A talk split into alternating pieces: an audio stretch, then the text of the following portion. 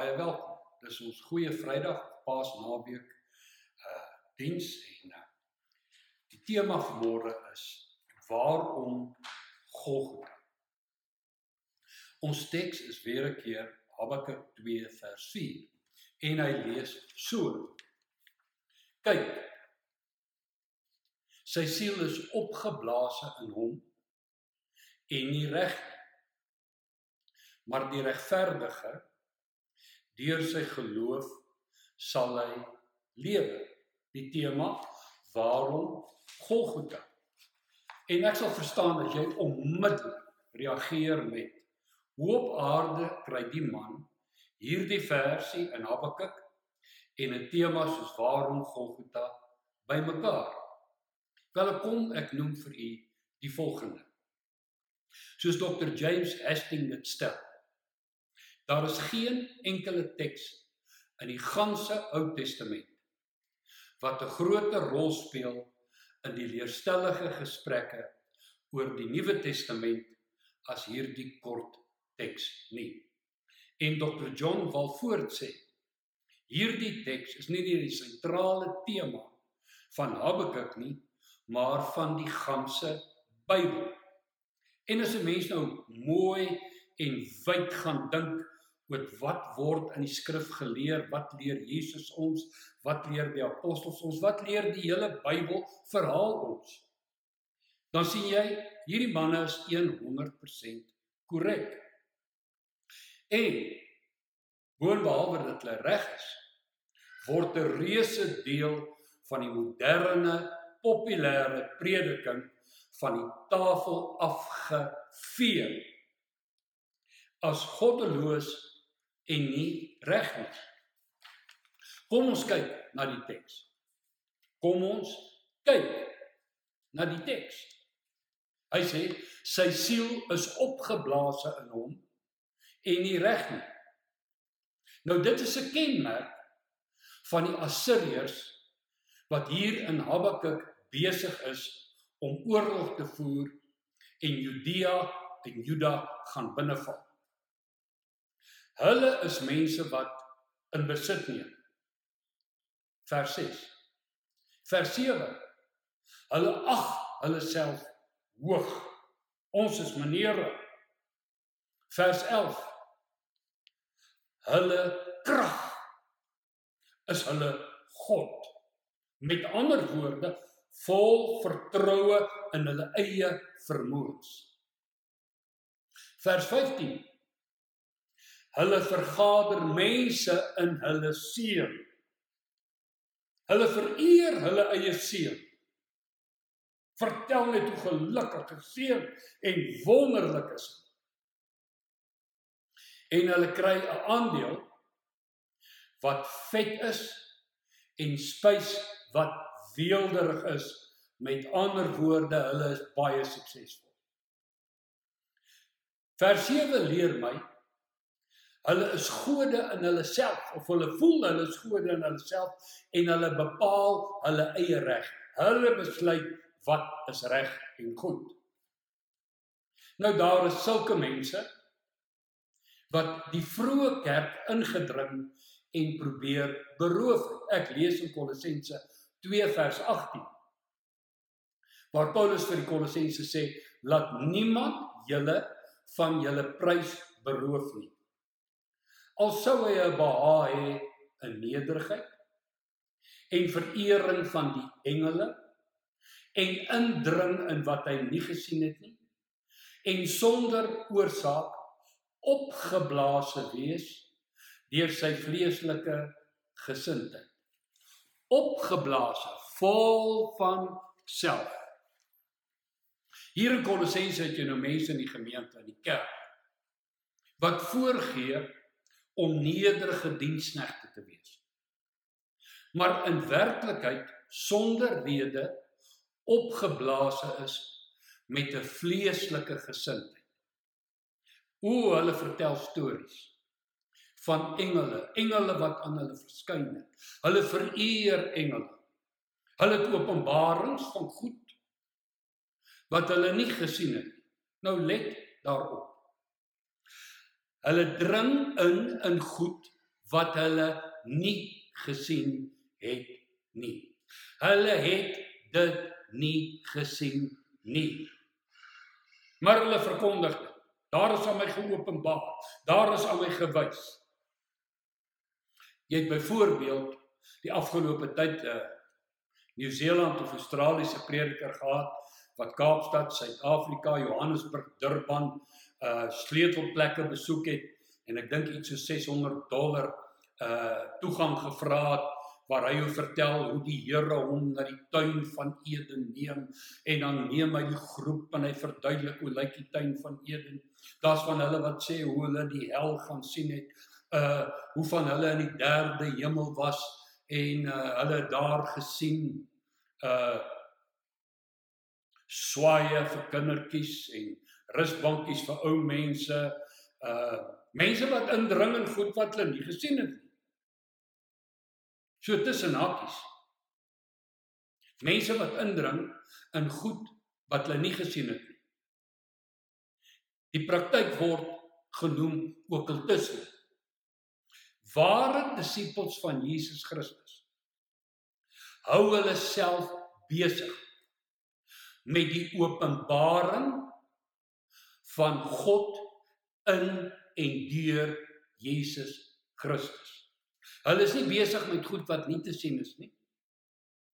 Hulle is besig met dit wat God in Jesus Christus van homself aan hierdie wêreld openbaar. Hierdie mense uh in Kolossense lees ek hulle onderhou allerlei insettinge soos raak nie, smaak nie, roer nie aan nie. Alles in eie reg. Want sê vers 22 volgens die gebooie en leringe van mense. Met ander woorde, dis nie so sê die Here nie, dis hulle eie reg. Vers 23, 'n eie sinnige godsdiens wat die vlees versadig. Met ander woorde, self laat goed en geestelik en belangrik voel. Lees ook gerus Kolossense 2 vers 4 waar Paulus sê die mense het drogredes.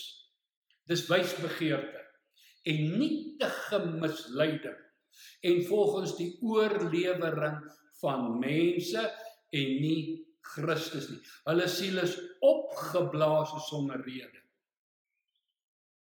En dis nie reg nie. Hulle skep hulle eie reg.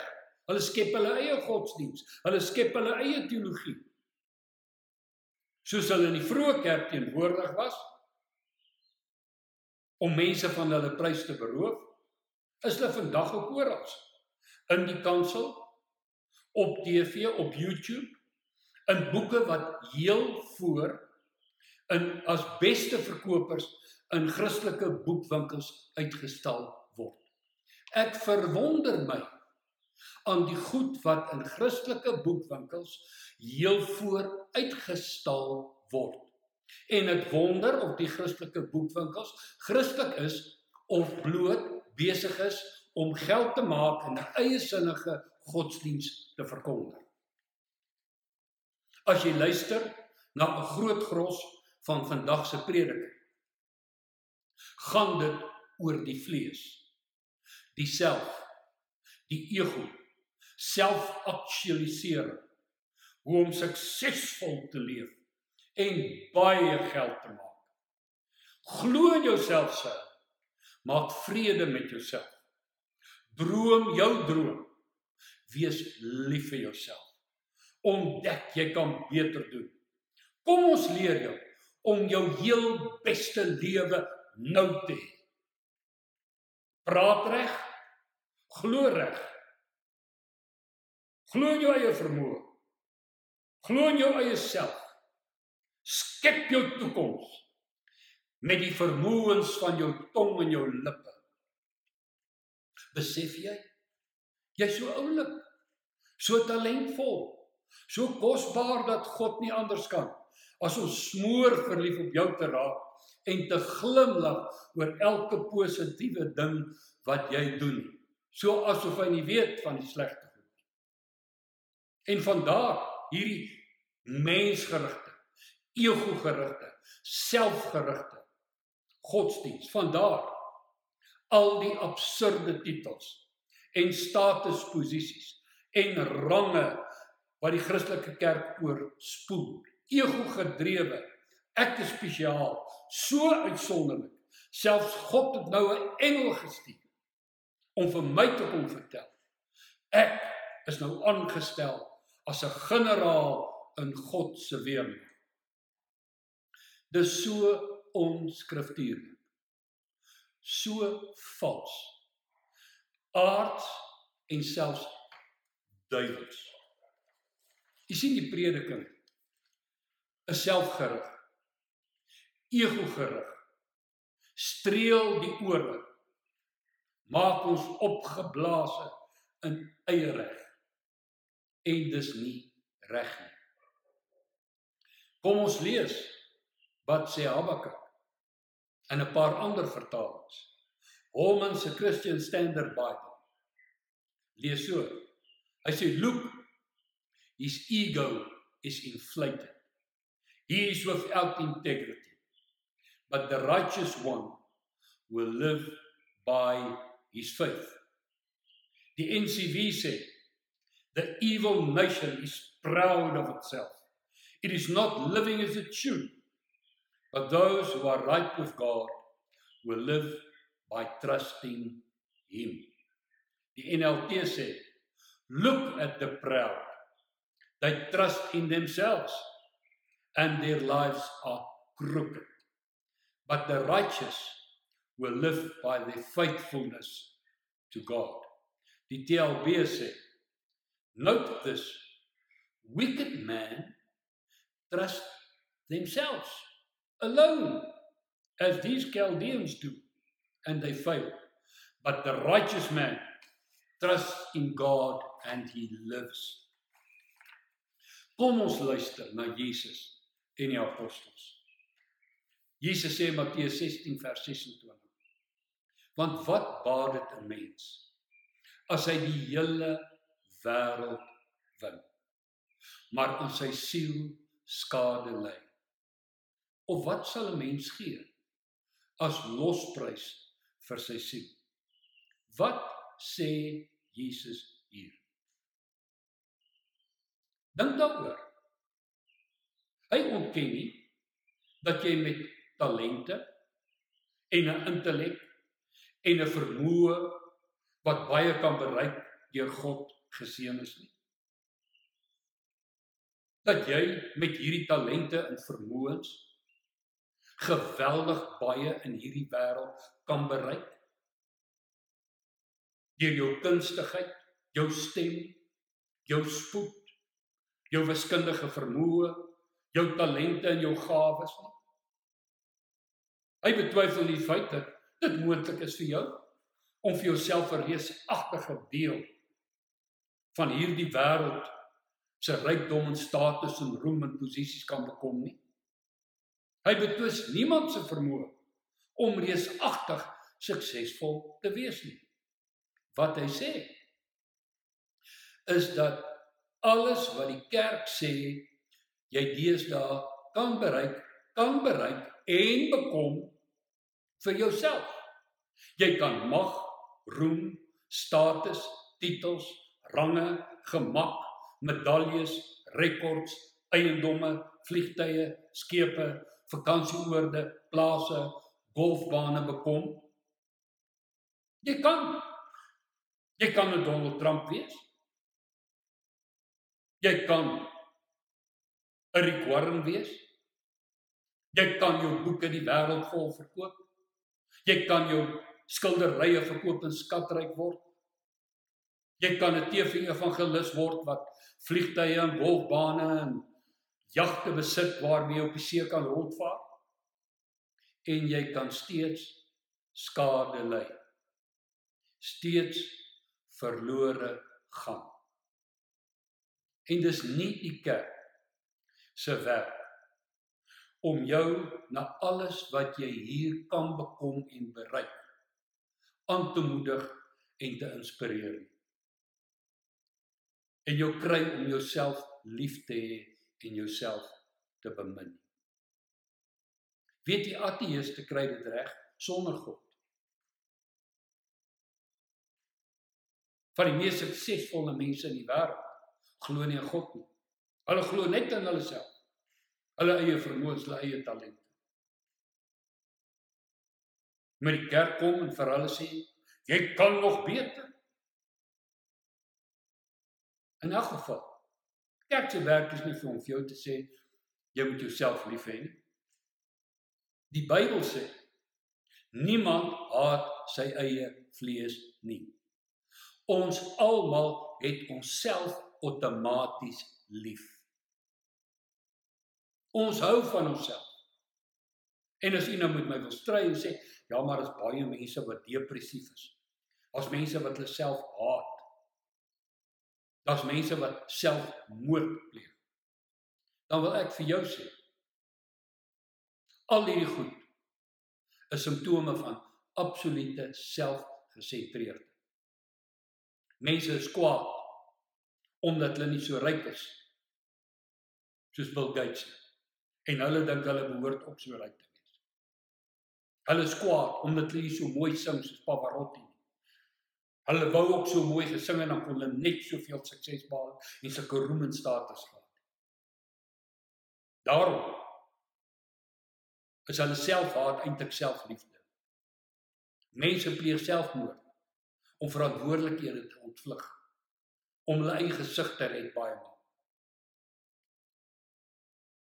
Kerk se werk is ook nie om jou 'n klomp reëls te leer wat jou goeie godsdienstige mens sal maak.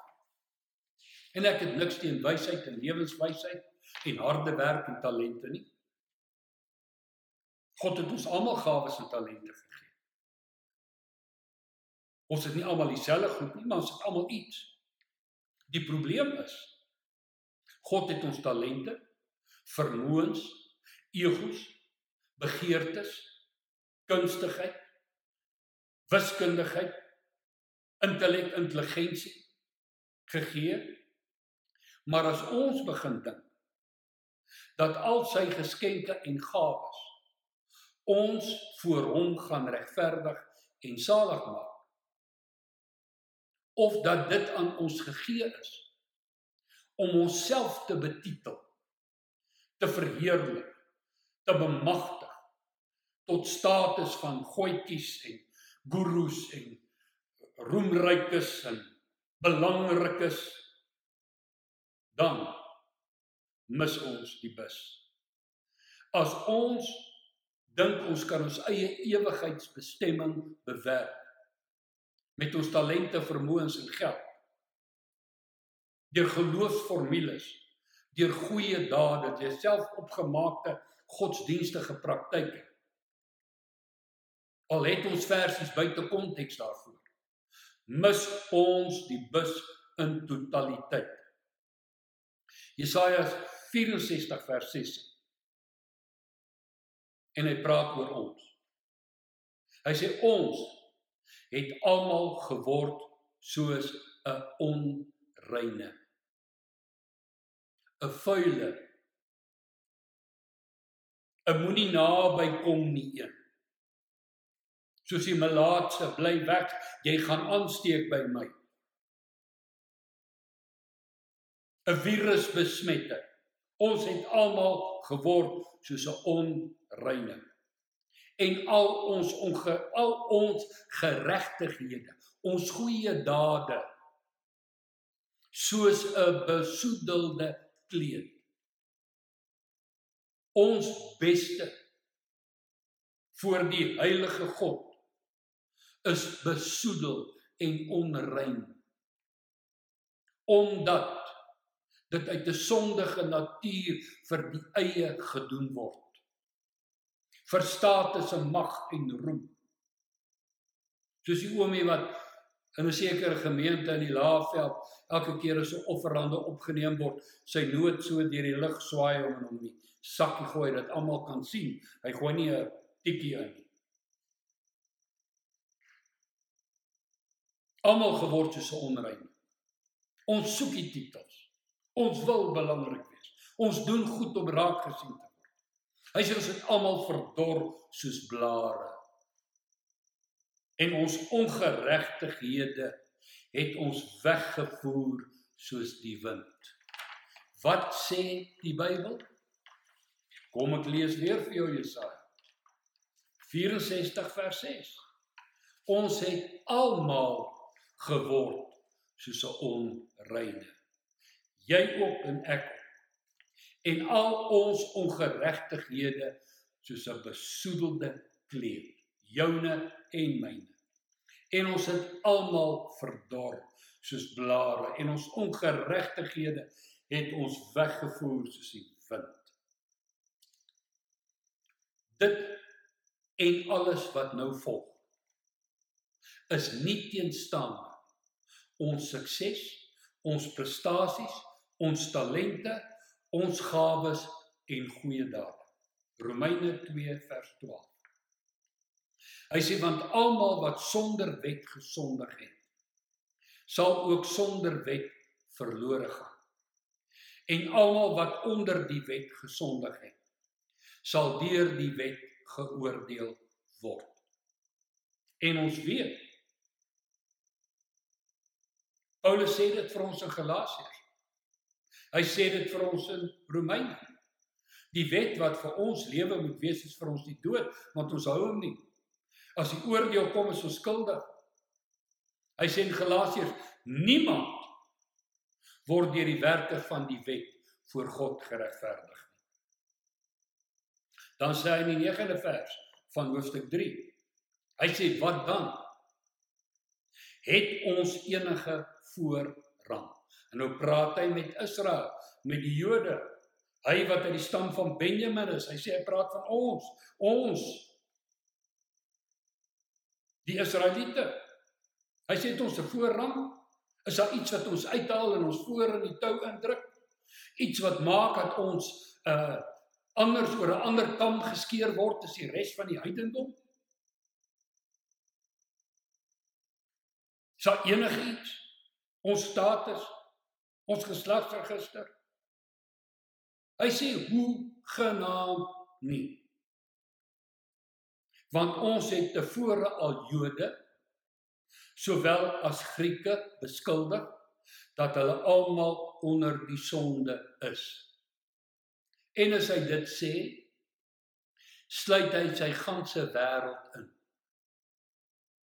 die Japaneese ook. Hy het nie van hulle geweet nie, maar hy sou hulle ingesluit. In die Afrikaners ook. Hy het nie van hulle geweet nie, maar hy sou hulle ingesluit. Ons almal is onder sonde.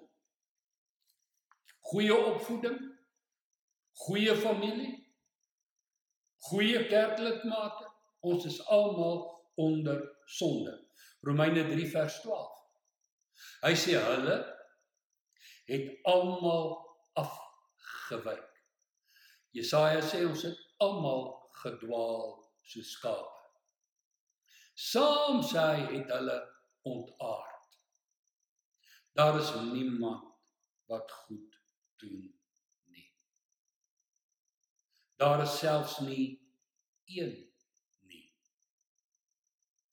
Hulle keel is 'n oop graf. Met hulle tonge pleeg hulle bedrog. Die gif van die adders is onder hulle lippe. Hulle mond is vol vervloeking en bitterheid. Hastig is hulle voete om bloed te vergiet. Verwoesting en ellende is hulle in hulle paaie. Die weg van vrede ken hulle nie. Daar is geen vrees van God voor hulle oë nie. Gee my 'n beter beskrywing van die mense in die wêreld waarin ek lewe in kluis ek self. En jy. Dis wie ons is. Ons kan polle toe en aantrek en mooi maak en brag en mooi praat en allerlei goed verduidelik en vertel. Allerlei prestasies. Kyk. Lees. Ons het almal hierdie springbok treye. Gaan kyk hoe leef ons. Gaan kyk wat gebeur by die partytjies. Nie ek wat so sê nie, Koran sê so. Dis wie ons is, almal van ons. Romeine 3 vers 23, want almal het gesondig en het ontbreek hulle aan die heerlikheid van. Kom ons lees Romeine 1. Vers 18 en verder. Dan sien jy hoe lyk die mensdom. Want die toren, luister, die toren van God word van die hemel af geopenbaar oor al die goddeloosheid. Nie net party nie, oor al die goddeloosheid. En ongeregtigheid van mense wat in ongeregtigheid die waarheid onderdruk. Ons wil nie die waarheid oor onsself hoor nie. Ons wil in die ore gestreel word. Omdat hoekom word sy oordeel geopenbaar? Omdat wat van God geken kan word in hulle openbaar is. Want God het dit aan hulle geopenbaar. Want sy onsigbare dinge kan van die skepping van die wêreld af in sy werke verstaan en duidelik gesien word, naamlik sy ewige krag en goddelikheid, sodat daar vir hulle geen veronskuldiging is nie. Wat sê die ateës ander dag oor die radio? Ek het so geglimlag. Hy praat oor iets van die slak. En dan sê hy net die goeie Vader weet hoe evolusie dit in die slak reggekry het. Toe wonder ek is dit nou 'n geloofsbelijdenis? Is dit 'n erkenning dat die goddelikheid van God, sy ewige krag en wysheid kan in sy skepping selfs nou slakkie gesien word? Hy sê dit geen vir ons skuldig. Omdat hulle alhoewel hulle God geken het, hom nie as God verheerlik of gedank het nie, maar hulle dwaas geword in hulle oorlegginge en hulle onverstandige hart is verduister. Terwyl hulle voorgee dat hulle wys is, het hulle dwaas geword. Ons is so slim en die heerlikheid van die onverganklike God verander in die gelykvormigheid van die beeld van 'n verganklike mens. Het jy geweet? Ons is almal verganklik. Die mooiste, rykste, suksesvolste is verganklike mense. Almal wat ons so aanbid op die rock and roll show Al die musikante wat soveel verwondering bewondering en aanbidding van ons wegdra. Al die evangeliste wat ons so beïndruk met hulle welsprekendheid en charismata en persoonlikhede en sukses. Almal verganklik. Almal wat preek hoe wonderlik is ons. Blote verganklike mense. Kenneth Copeland wat sê Ek is 'n God. Die God sien, kyk na my. Se verganklike mens. Hulle verander die heerlikheid van die onverganklike God na die beeld en die vergelykvormigheid van die beeld van 'n verganklike mens en in hindoeïsme van voëls en viervoetige en kruipende diere en rotte en beeste en in die weste geld. Daarom het God hulle ook in die begeerlikhede van hulle harte oorgegee aan onreinheid om hulle liggame onder mekaar te onteer. Hulle wat die waarheid van God verruil het vir die leuen in die skepsel en ver, vereer en gedien het bo die Skepper wat geprys moet word tot in ewigheid. Amen. Daarom het God hulle oorgegee aan skandelike hartstogte want hulle vroue in die natuurlike verkeer verander in die wat teen die natuur is. Net so het ook die manne die natuurlike verkeer met die vrou laat vaar en hulle welles teenoor mekaar ontbrand. Manne het met manne skandelikhede bedrywe en in hulle self die noodwendige vergelding van hulle dwaling ontvang. En omdat dit nie die moeite, hulle dit nie die moeite werd geag het om God in erkenning te hou, het God hulle oorgegee aan 'n slegte gesindheid om te doen wat nie betaam nie. En hier praat hy nie net van die homoseksuele en seksuele afwykings nie. Hier praat hy van almal van ons. Ons is vervul met allerlei ongeregtigheid.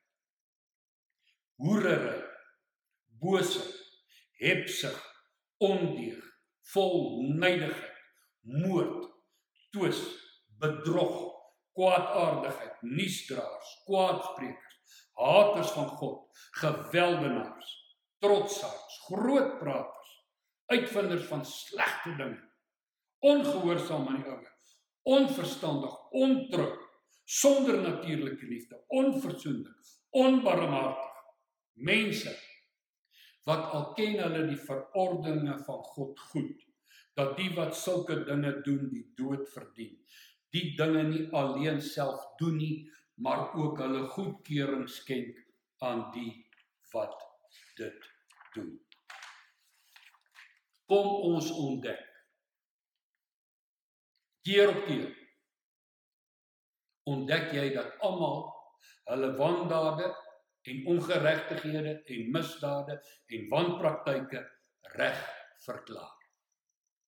Net soos die Assiriërs. Ons bepaal ons reg. Ons is mos goetjies. Ons besluit wat's reg. Ons roem selfs in ons wandade. Ons paradeer ons wandade. Ons paradeer ons seksuele luste, ons afwykings, ons huweliksontrou, ons bedrog, ons eskapades, ons dronkenskap, ons roekeloosheid, ons skelmstreke, ons wreedheid, ons afgodediens. Asof dit 'n prestasie is. Ek is 'n dronkie, so, wow! Ek kan my drank vat, so, wow! Terwyl die Bybel sê, geen dronkaard sal die koninkryk van God ingaan. Maar ons dink ons is wonderlik terwyl ons eintlik dwaas is. Ons roem in ons verrotting. En as jy verder lees en ontdek dat die toorn van God word van die hemel oor al die goed geopenbaar. Dan lees jy dat almal van ons die ewige dood verdien. Daarom Golgotha. Nie omdat ons so oulik is en onweerstaanbaar is vir God nie. Nie omdat ons so talentvol en suksesvol en wonderlik begaafd is nie. Nie omdat ons so begeerlik en aantreklik is nie. Nee, dis nie hoekom Jesus aan die kruis gehang het. So sommige predikers dit wil afmaak dat hy kon ons nie weerstaan nie. Golgotha is daar omdat ons so gans verlore, verrot, sonder hoop en sonder God in hierdie wêreld is. Golgotha is daar omdat ons totaal hulpeloos staan teen ons eie gefalle natuur so hulpeloos teen sonde is as wat Habakuk teen die Assiriese oormag was. Omdat ons dood is in sonde en in misdaad. Omdat ons slawe is van ons eie sonde en ongeregtigheid. Omdat ons die oordeel en toorn van die heilige God nie self kan ontvlug nie.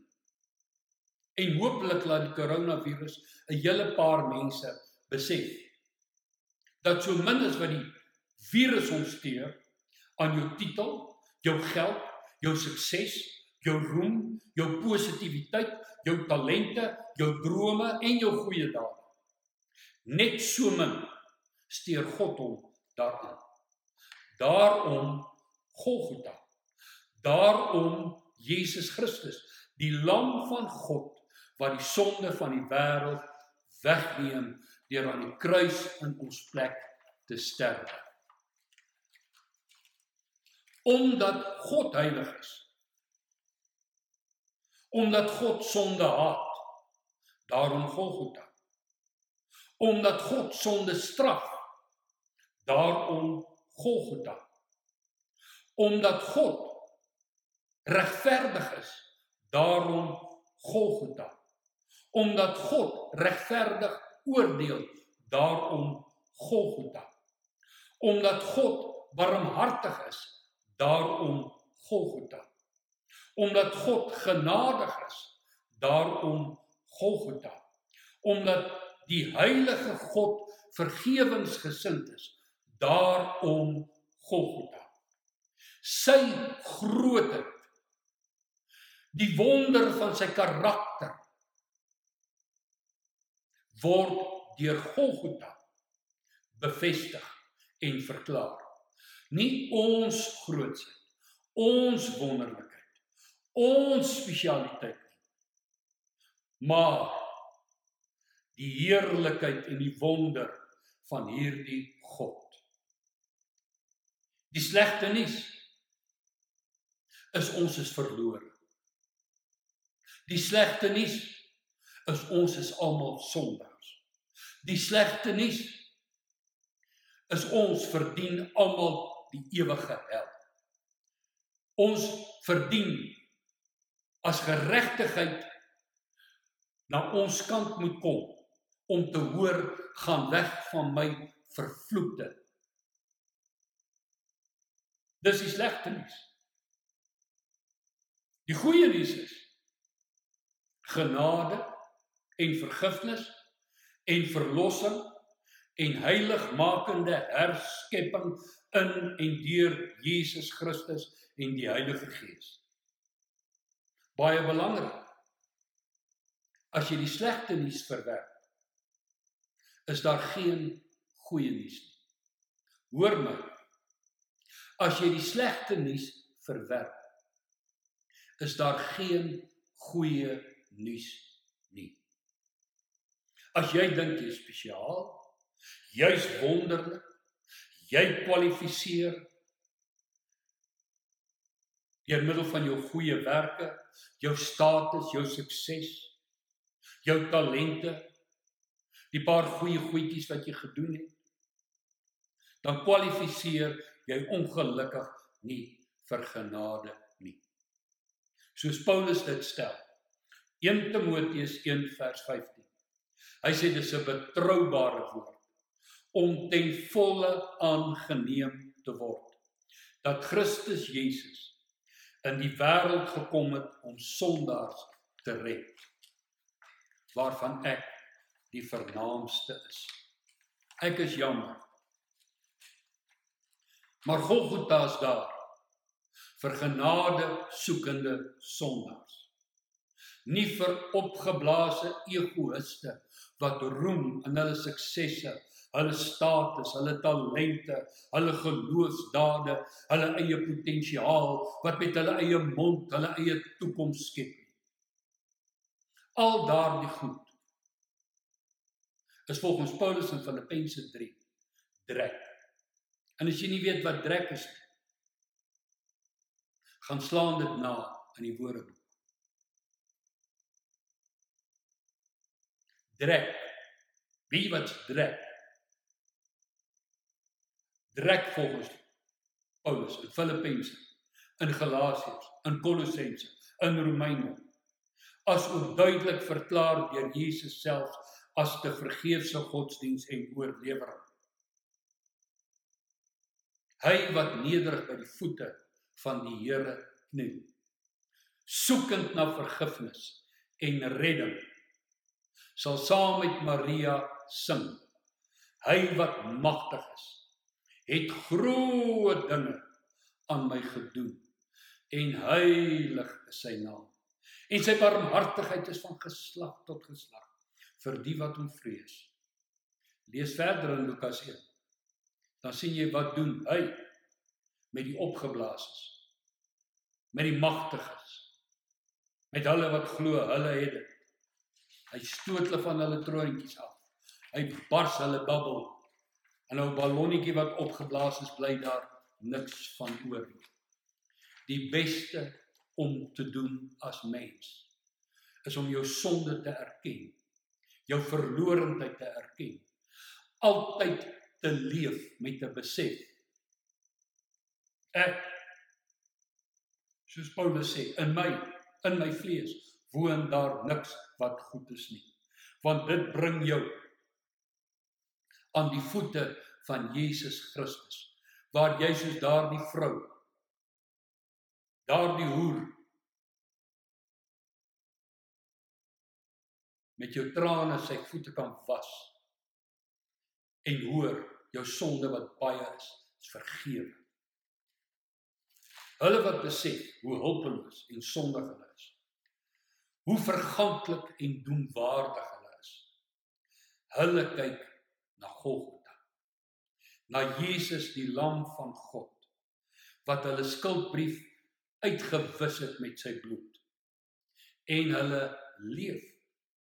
Hulle glo nie in self nie. Hulle glo nie in hulle mond nie.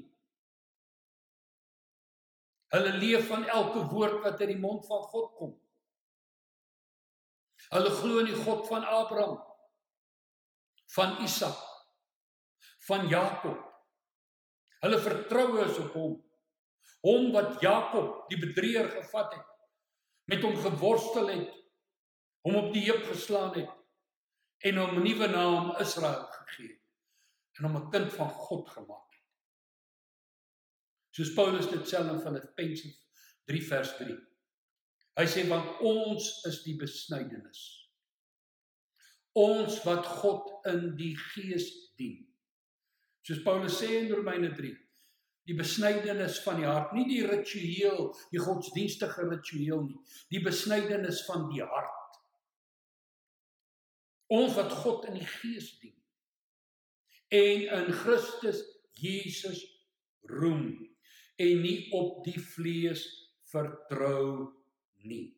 Wie is God se mense? Hulle wat opgeblaas is in hulle self vertrou, in hulle mond vertrou, in hulle tong vertrou, in hulle talente wat hulle verniet gekry het vertrou. Nee. Hulle wat roem in Jesus Christus. Hulle vertroue is in hom. Waarom Golgotha? Kom ek sê jy waarom Golgotha? Waarom het daar 'n kruis gestaan? Met in die middel Jesus van Nasaret. Onskuldig gevind deur Pilatus. Interessant hof vind geen skuld in hierdie man nie. Vat hom en kruisig hom. Hy word onskuldig bevind en die doodstraf opgelê. Hoekom? Sodat sondaars soos ek op en afgeblaas kan kom en glo in die wonderlike heilige God en deur geloof kan leef en geregverdig kan word en geregtigheid kan leer en kan leer hoe om te sterwe in en deur Christus. Hoe om self te kruisig en te verloon. Die eie ek te verag. En in en deur hom 'n nuwe lewe te kry. Dis waarom Golgotha daar was. Was vir sondaars. Omdat God 'n wonderlike omdat God wat heilig is sonde straf en my 'n geleentheid wil gee om daardie straf vry te spring. Wat kan ek sê? Al wat ek kan sê is saam met die ou seun John Newton. 'n skrywer van seker die wêreld se bekendste lied amazing grace. How sweet the sound that saved a wretch like me. I once was lost, but now I'm found. Was blind, but now I see. Hoe groot, hoe wonderlik is God se genade in Christus Jesus nie vir ons nie. Kyk. Sy siel is opgeblaas. En dis nie reg nie. Maar die regverdige deur sy geloof sal hy lewe. Sy geloof in hierdie magnifieke God wat in Christus sy liefde vir ons kom verklaar en bewys en ons begenadig. En hoe dwaas om verby te stap en te dink ek ek is so wonderlik. Kom ons bid saam. Dierbare Hemelse Vader. Die liederdigter het gesê I don't know why Jesus loves me. I don't know why he sacrificed his life. But I'm so glad he did. Dankie. Dankie Here dat ek ook tot geloof kom. Dankie dat ek my oë kan opslaan. Dat daar die ou ruwe kruis en die man wat daar hang of gehang het 2000 jaar gelede. En kan besef dit was vir my. Dit was vir my. Dit was vir my terwyl ek nog 'n sondaar was. Dit was vir my terwyl ek nog sy lewe terwyl ek nog nie vir hom geleef het nie en hom gelaster het. Dit was vir my toe ek gedink het ek so wonderlik en die besef het ek is sonder hoop en sonder God in hierdie wêreld. Dit was vir my baie baie baie dankie Here. Ons eer U vandag vir die genade wat aan ons gebied word. Help ons. Help ons om daar te kniel. Daar te leef. Te klem aan die ou ruwe kruis. Te klem aan die sterwe en die opstanding van Jesus Christus. En nuwe lewe en oorwinning oor sonde en oor self in en deur hom te verkry kom werk in ons om te wil en te werk na u welbehae. Ons kan net wees wat u wil hê ons moet wees. As u in ons kom woon, Christus in ons, ons hoop op heerlikheid. Ek bid vir elke een wat vanmôre hierdie boodskap gehoor het. Here, dankie dat dit ook vir hulle was. Help hulle om ook te kniel by die kruis oortuig hulle van sonde, geregtigheid en oordeel. En verheerlik Jesus voor hulle in Jesus se naam tot sy eer. Amen. Ek is bly dat u kom kyk het. Ek wil vertrou dat dit vir u tot seën en verryking was. Ek is so bly vir die slegte nuus.